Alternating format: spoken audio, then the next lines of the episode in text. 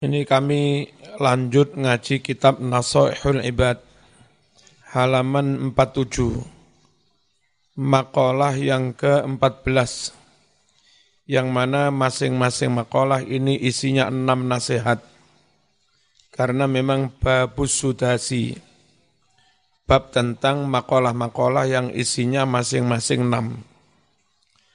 Wal maqalatur rabi'ata asyrata makalah nasihat yang ke-14. Qala Ahnaf bin Qais radhiyallahu anhu. La rahata lil hasud. Sama sekali tidak ada kenyamanan hidup bagi orang yang punya sifat iri, deng, dengki. Kalau orang itu iri, nggak pernah bisa menikmati apa kebahagiaan hidup. Enggak pernah tenang, enggak pernahnya nyaman. Cara wong Jawa lek maknani ora ono ngaso kanggo wong kang deng dengki, ora leren-leren sumpek. Koncone montore anyar loro ati. Koncone anake ranking siji loro ati. Koncone menang pilihan lurah loro ati bendino loro ati kita nyaman onggun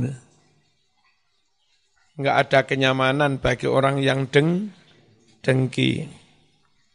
Qala Abdul Mu'ti As-Samlawi naklan an syaikhihi Al-Badr.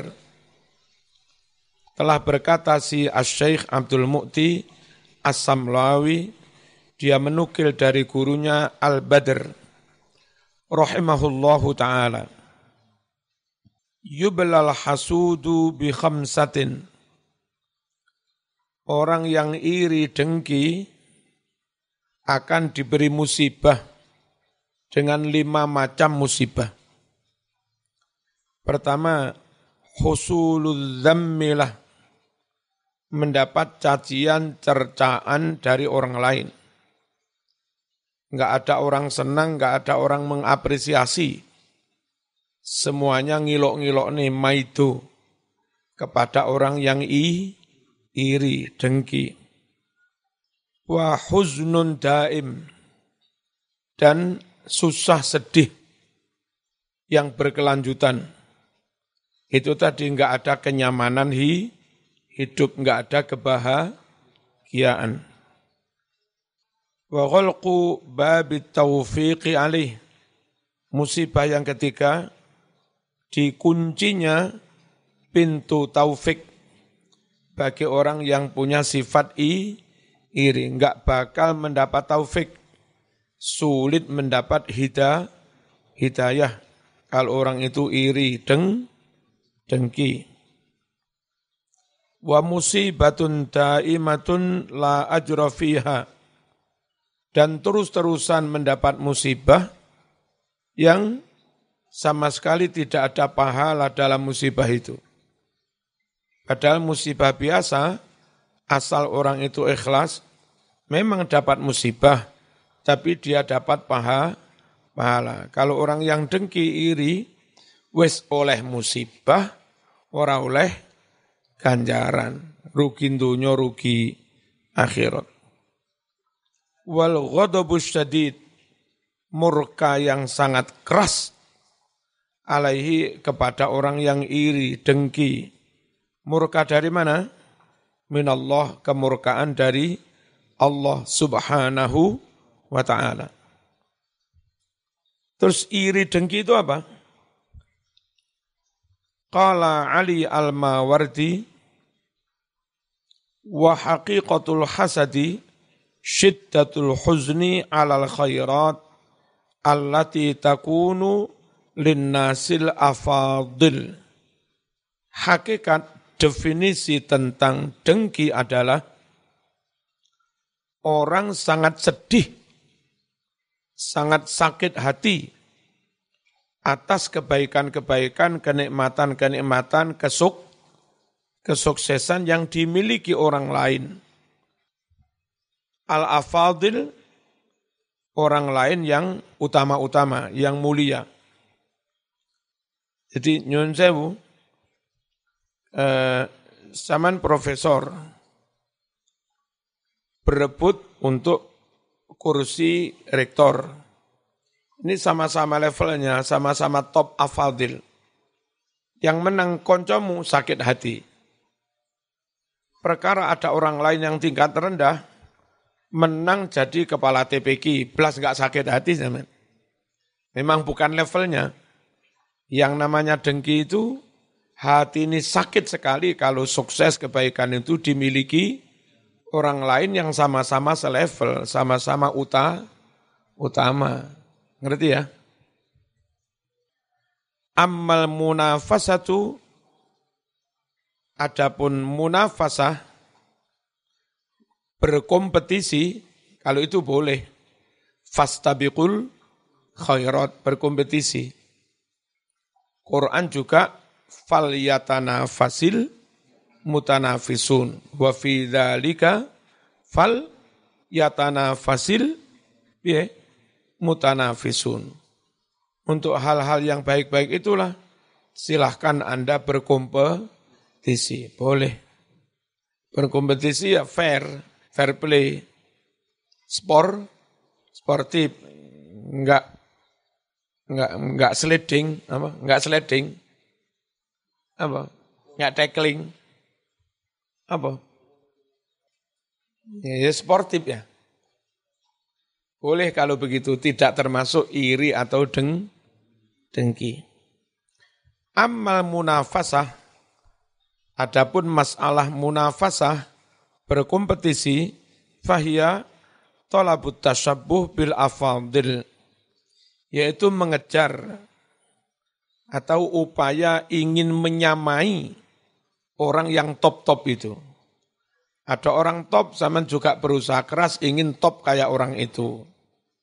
Anaknya teman zaman ranking CG, zaman upaya keras supaya anakmu juga bisa ranking CG. Itu namanya muna, munafasah. Dan baik-baik saja fatashabbahu illam takunu mithlahum innat tashabbuha birrijali falahu Emang tiru-tiru ingin meniru orang yang top-top itu berijal.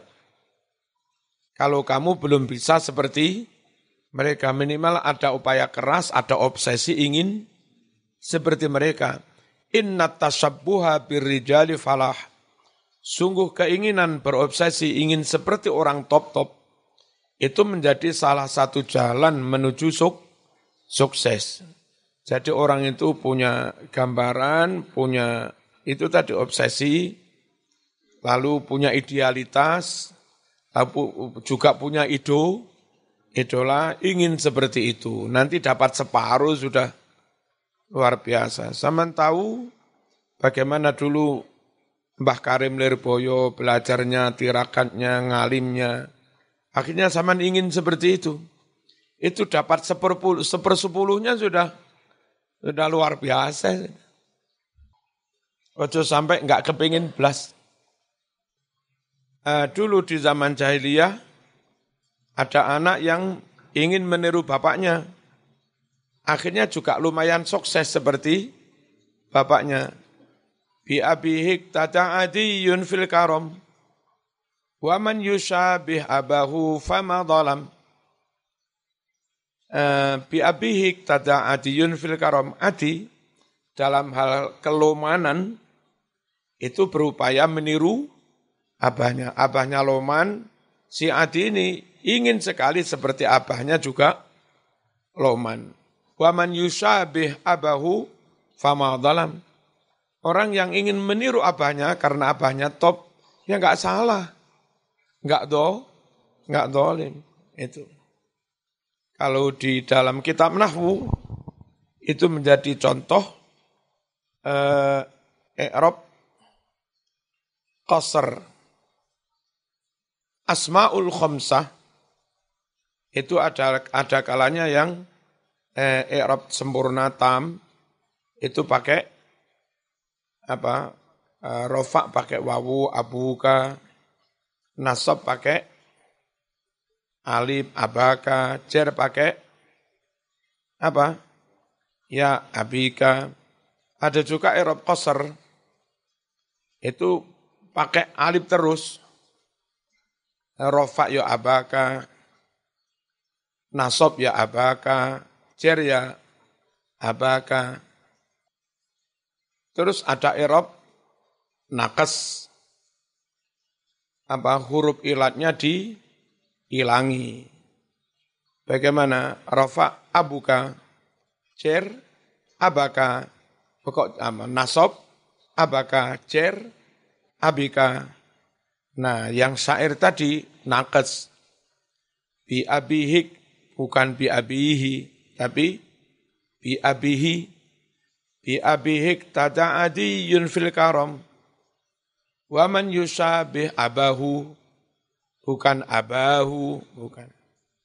Wa man yusabih abahu fama dhalam. Jadi i'rabnya kayak i'rab isim mufrad biasa. Rafa abu nasab aba jer abi enggak ada wawu enggak ada alif enggak ada ya asmaul khamsah tapi i'rabnya kayak isim mufrad biasa. Boleh meniru abahnya? Boleh.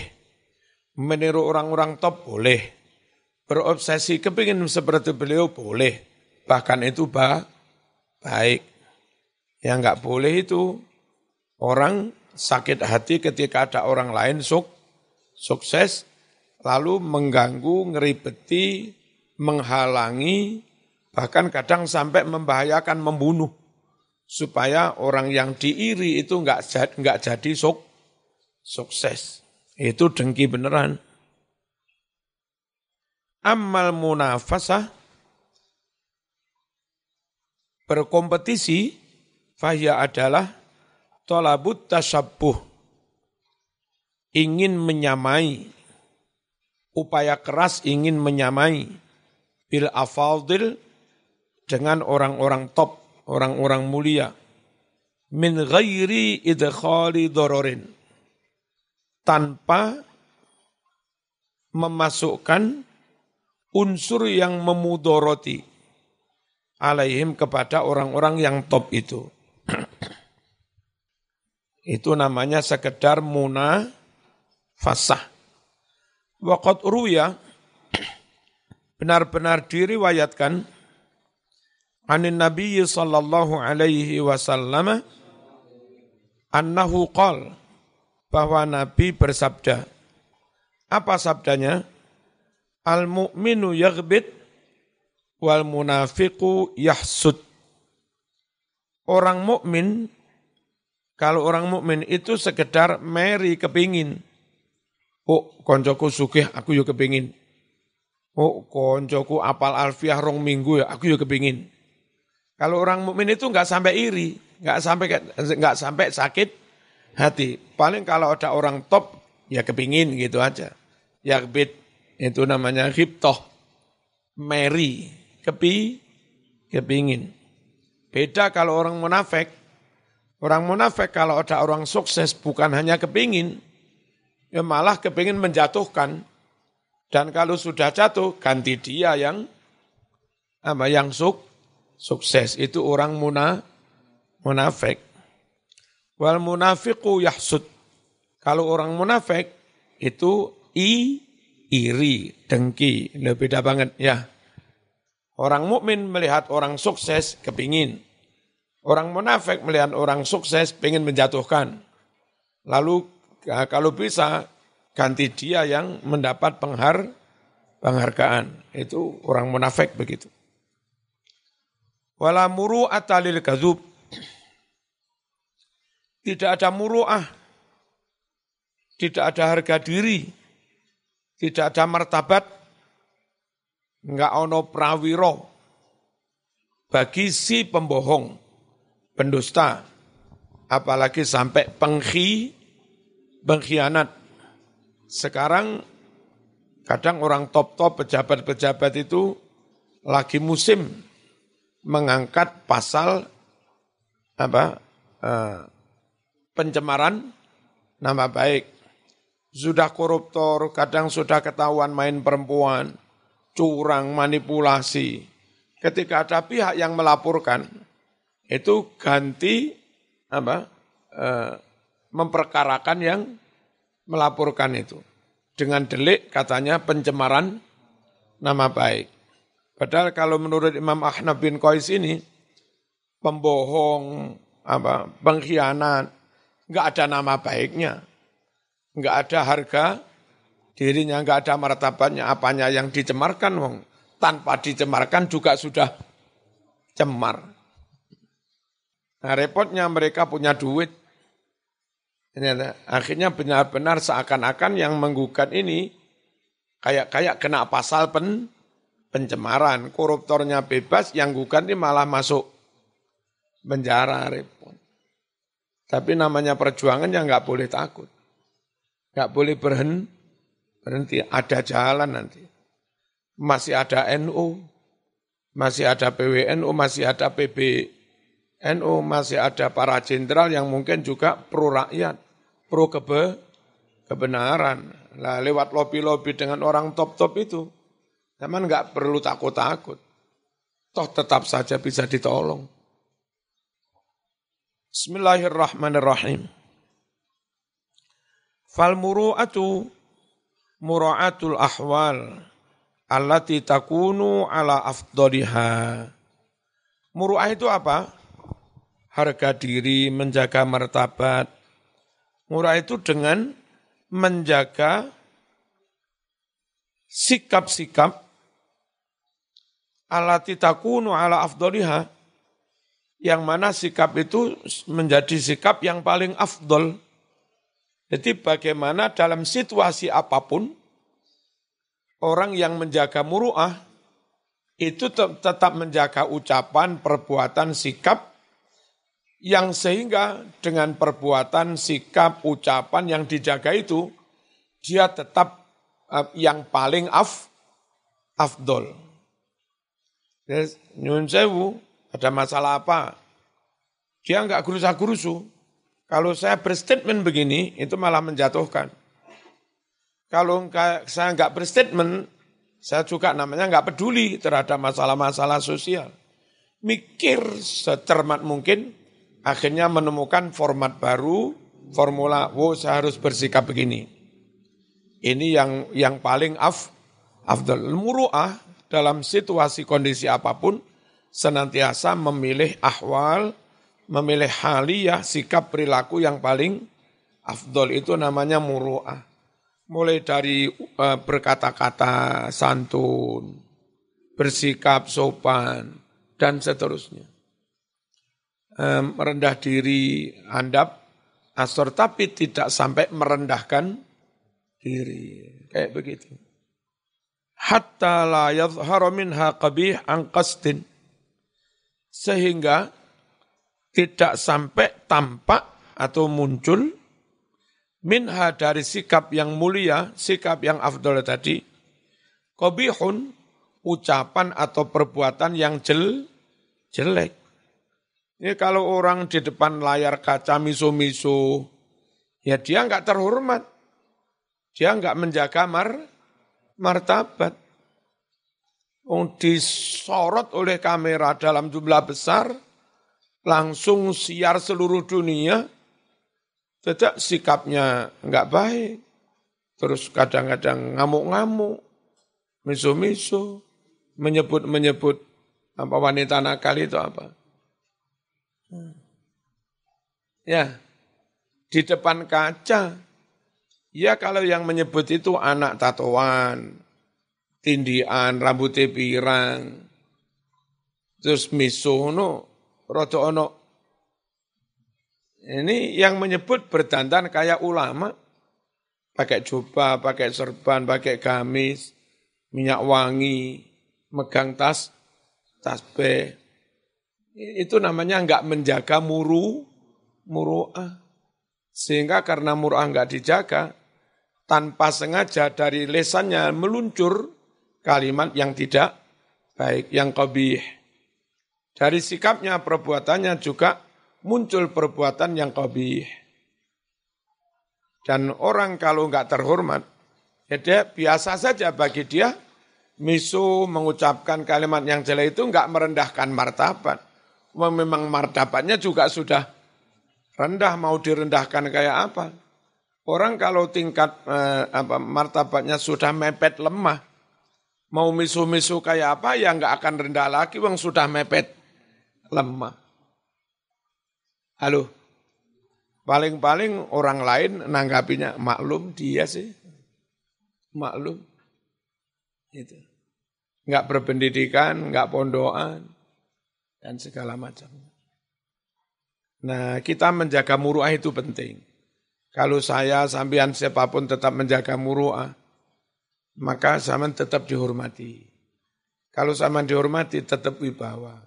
Wibawa itu modal yang sangat penting untuk suksesnya dakwah sampean. Zaman menasihati, menasihati orang didengar karena zaman wi, wibawa. Ada masalah rame-rame di ketakmiran. Zaman datang lalu melerai memberi jalan apa jalan keluar solu solusi didengar karena zaman wi wibawa. Gitu wibawa itu orang yang terus menjaga sikap yang paling afdol. Bagaimana dengan terus menjaga sikap paling afdol? Zaman nggak punya cacat moral. Orang mau ngelok nih ngeritik zaman nggak bisa. Apanya yang dikritik? Oh nggak punya cacat moral. Salah satu faktor suksesnya Rasulullah SAW berdakwah itu karena orang kafir Quraisy nggak bisa mencela, nggak bisa mencacat. You nggak mau ikut Muhammad apa? Kekurangan Muhammad, aibnya Muhammad. Eh coba sampai merengut-merengut begini. Eh, Fakutulah kaifa qaddara summa abasa dan seterusnya. Yang pada akhirnya hanya bisa mengatakan eh, Muhammad boten enten aib al-amin. Dia orang yang full 100% ama, amanah. Nah terus lah kok nggak gelem anu masuk Islam macam-macam alasan ono sing gengsi. Ya. Kayak Nyun Sewu, Abi Thalib nggak segera menyatakan syahadat masuk masuk Islam.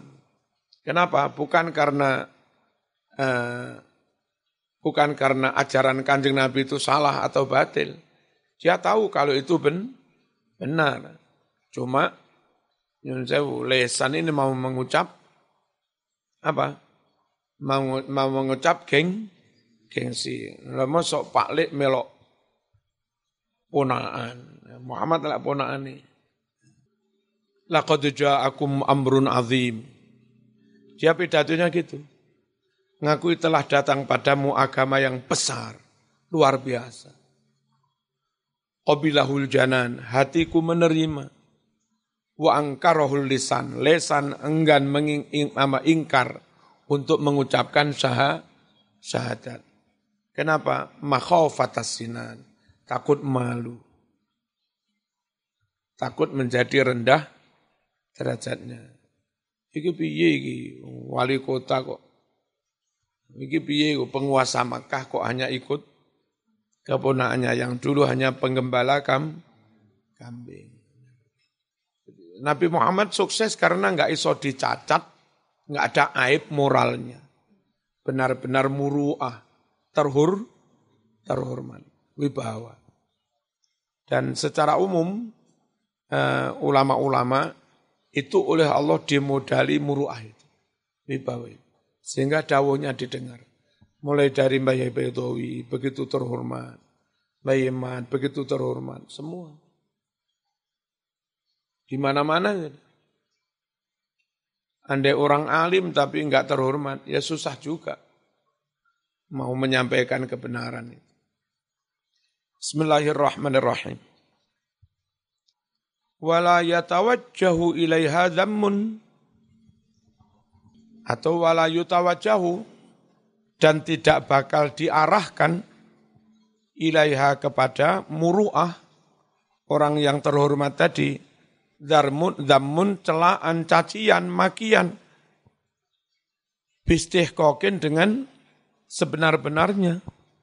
Jadi orang itu kalau terhormat nggak punya cacat moral nggak bakal menjadi sasaran kritik, nggak bakal menjadi sasaran ejaan, caci, cacian. Ruwiyah diriwayatkan anin Nabi sallallahu alaihi wasallam annahu qala man amalan nas falam yadhlimhum wa haddathahum falam yakdzibhum wa wa'adahum falam yukhlifhum fahuwa mimman kamulat muru'atuh wa zaharat adalatuh wa wajabat ukhuwatuh. Barang siapa bergaul dengan orang lain, serawung, lalu satu, dia enggak pernah berbuat dolim kepada orang lain. Yang kedua, dia berbicara kepada orang lain enggak pernah berbohong. Yang ketiga, dia memberi janji kepada orang lain, enggak pernah ingkar, ingkar janji. Kalau orang bisa kayak begitu, fahuwa mimman kamulat muru'atuh. Maka dia termasuk orang yang benar-benar sempurna muru'ahnya. Sempurna mar, mar, martabatnya, kehur, matanya, harga dirinya. Wadhaharat adalatuh, dan nyata sifat adilnya.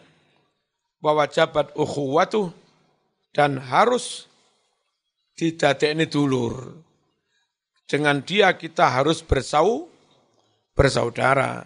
Wong apike kaya ngono, Mas. Wala hilata lil bakhil. Wala hilata tidak ada khilah, enggak ada cara untuk mengangkat derajat martabat lil bakhil bagi orang yang bakhil. Orang itu kalau bakhil pol mau dirias kayak apa pun ya tetap doeh. Orang bakhil, lalu kau dandani pakai serban, pakai jubah, pakai gamis, wajahnya kalau perlu dipasang apalah ini, ini, nangene tempat perawatan sana. Ya malah kayak tetek melek, malah kayak bedes. Enggak ada cara untuk mengangkat derajat orang yang bakhil. Kalaupun zaman latih berpidato nanti bisa tampil di depan umum jereng. Assalamualaikum warahmatullahi wabarakatuh. Orang-orang yang sebagai sebagai seorang ngajar mau didandani, direkayasa kayak apa pun lah dandanan, tetap nggak bisa mengangkat derajatnya. Emang pak, bakhil sakti lagi. Saking saktinya menggenggam air nggak netes. Itu bakhil yang sangat sak, sakti. Udah diserbani nggak semakin alim. Ya. Apa, apa ya? Tetap elek, tetap do. do. Kebalikan bakhil itu sahi, sakho. Ter, dermawan. Apa? Definisi sahi, sakho, dermawan. Wahaddus sakha, badlu ma yuhtaju ilaihi indal hajah. Batasan atau definisi tentang sakho, dermawan, kebalikannya bakhil, adalah mau menyerahkan, mengeluarkan sejumlah dana harta yang dibutuhkan saat dibutuhkan wa an yusilahu ila mustahiqihi. Dan dia menghantarkan sejumlah dana itu kepada yang berhak menerima. Biqadri taqati sebatas kemampuan enggak ngoyo-ngoyo. Kuat nyumbang sak juta sak juta. Kuat nyumbang 500 ribu 500 ribu enggak ngoyo. Itu namanya ter dermawan sesuai dengan kebutuhan Faman waqafa ala haddihi summiya kariman. Maka barang siapa berhenti pada batas kedermawan kayak tadi, dia dinamakan orang yang karim. Apa? Orang yang loman, sama ter, dermawan. Wa kana hamdi mustahiqan. Dan dia layak mendapat puji, pujian, berhak mendapat pujian. Tapi sebaliknya, wa man anhu dan barang siapa lalai teledor dari berbuat menolong tadi, memberikan harta ketika orang lain membutuhkan. Ada kalimat yang keliru ini yang mestinya. Barang siapa teledor melakukan itu semua, mestinya kalau begini malah enak. Fahual bakhil. Maka dia namanya orang, orang bakhil. Wa kana mustaujiban. Dan dia berhak layak mendapat cacian, makian. Ruya diriwayatkan anin Nabi sallallahu alaihi wasallam annahu qala bahwa Nabi bersabda, Ta'amul jawad dawaun, wa ta'amul bakhili daun. Makanan dari orang yang dermawan itu menjadi obat. Makanya zaman bertamu, disuguh oleh orang yang dermawan, makan aja. Itu malah menjadi obat. Tapi kalau ada, ada orang bakhil, dengarin kok malah gelem nyu, nyuguh. Padahal biasanya banyu putih gak metu. Ada apa ini? Jangan-jangan racun nih. Tumben kok gelem nyu, nyuko. Nah, wa ta'amul bakhil, makanan orang bakhil, itu daun malah jadi pe, penyakit. Ojo gelemangan. Khawatir ono opo-opo nih. Ono santet barang. Ono santet aji-aji asih mama apa, pengasian. Begitu mau pangan sama langsung katut karo rondo tua. Bahaya. Waqala ba'dul udaba berkata sebagian para ahli adab, para ahli sastra, bukan li al-bakhil. Al-bakhil laisalahu khalil Al-bakhil laisa lahu khalil. Bagus kalimat Arabnya. Al-bakhil laisa lahu khalil. Kalau Imam Ghazali ya kalimat enggak terdiri dari banyak kata. Dari dua tiga kata tapi diwolak-walik. Sudah menjadi kalimat yang luar biasa. La khaira fi khairin la yadum la khaira fi khairin la yadum. Syarrun la yadum, khairun min khairin la yadum. Ini maknanya luar biasa. La khaira fi khairin la yadum. Enggak ada baiknya mas melakukan kebaikan, tapi enggak ada istiqomahnya, enggak langgeng. Melakukan ini buyar, melakukan ini buyar melok majelis solawat ini peng telu buyar, ganti majelis rotib peng telu buyar, ganti majelis manakib peng telu buyar, enggak ada baiknya. La khaira fi khairin la yadum. Bal syarrun la yadum khairun min khairin la yadum. Kejelekan yang enggak langgeng, enggak terus, begitu ngerti itu jelek langsung ngandek tobat, selesai, berhenti itu lebih baik daripada khairin layadum apa melakukan kebaikan tapi enggak ada isti istiqomahnya enggak enggak terus enggak langgeng. Nah, para pujangga sastrawan itu cukup bermodal tiga kata sudah memberi pesan yang luar biasa. La khaira fi kathirin. Eh la khaira fi khairin la yatum bal syarrun la yatum khairun min khairin la yatum. Apa kalimatnya? Khairun sama syarrun. Iku tok diwolak-walik. Ini pujangga. Kayak begini pujangga. Apa? Al-bakhil laisa lahu khalil. Wong bakhil ora ana kon ora ana koncone. Qala Salih ibnu Abdul Quddus min Bahri Tawil. Ini dari uh, syair Bahar bahar tawil. Wa yuzhiru aibal mar'i fin nasi bukhluhu wa yasturuhu anhum jami'an sakha'uhu taghatta bi aswabis sakha'i fa innani ara kulla aibin fassakha'u hita'uhu ayo wa yuzhiru aibal mar'i fin nasi bukhluhu wa yasturuhu anhum jami'an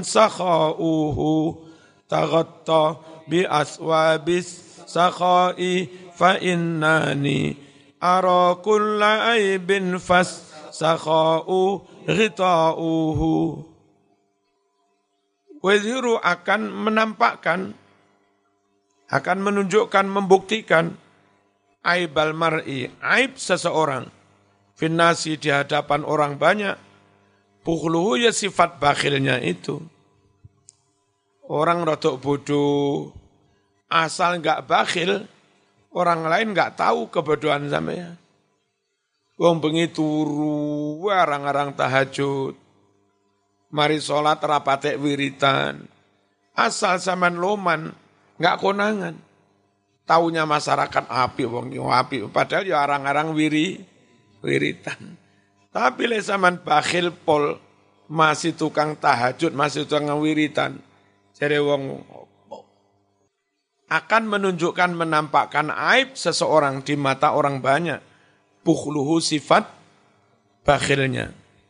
Westuruhu dan akan menutupi aib tersebut anhum dari orang banyak, nas, jami'an semuanya, apa yang bisa menutupi sakhouhu, sifat lo, lomannya. Takotto bertutuplah Anda bi aswabis sakho dengan baju-baju kedermawanan. Biar aibnya enggak kelihatan. Fa inni fa innani sungguhlah aku penyair ini arom memandang kula aibin memandang melihat setiap aib. Eh ternyata tak teliti satu persatu. Setiap aib itu tutupnya apa? Fasakhau hitau sifat lomanlah yang akan menjadi tutupnya. Wa yudhiru aibal mar'i, ayo.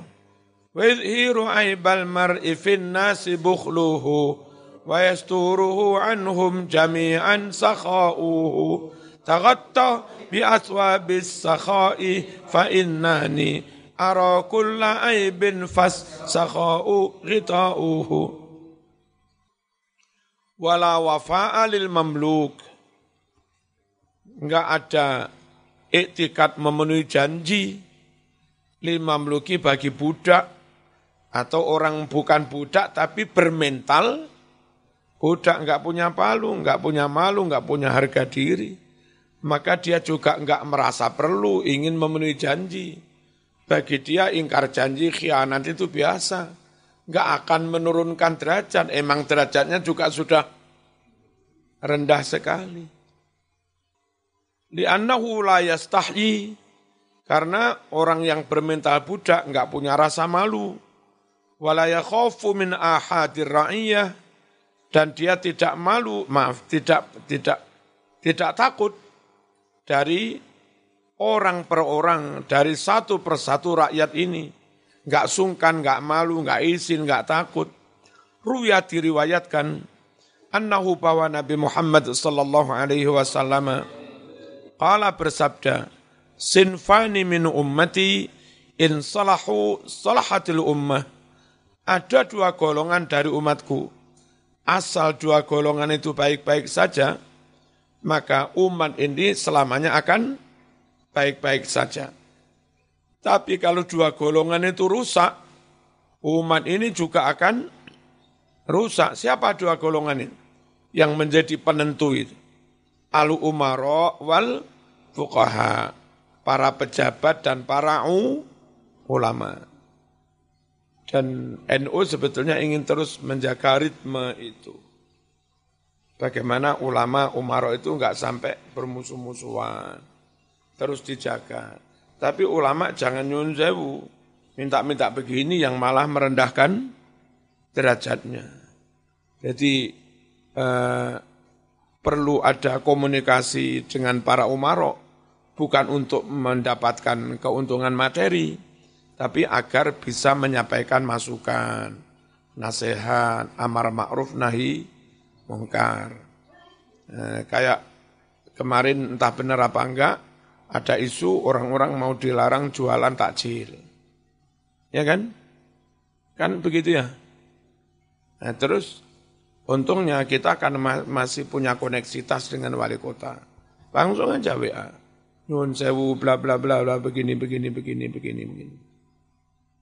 Itu kontan tunai langsung seakan diralat. Kami nggak melarang. Yang akan kami lakukan nanti membimbing, menertib. Nah, itu kalau eh, kita terlalu keras satu dengan pemerintah, Lantas kalau ada begitu-begitu gimana cara menyampaikan nasi, nasihat? Tapi terlalu akrab, sering ke sana minta-minta, juga nggak bisa menyampaikan nasihat, wong dia sudah sering dapat. Ya, eh, jaga ritme agar tetap jadi baik untuk agama, untuk umat. Ini penting. Ada dua kelompok di dalam umatku. Kalau dua kelompok itu baik-baik saja, selamanya umat juga akan baik-baik saja. Siapa itu? Al ulama wal umaro. Ini kaum muslimin, jadi penting. Ala hadiniyah al-fatihah.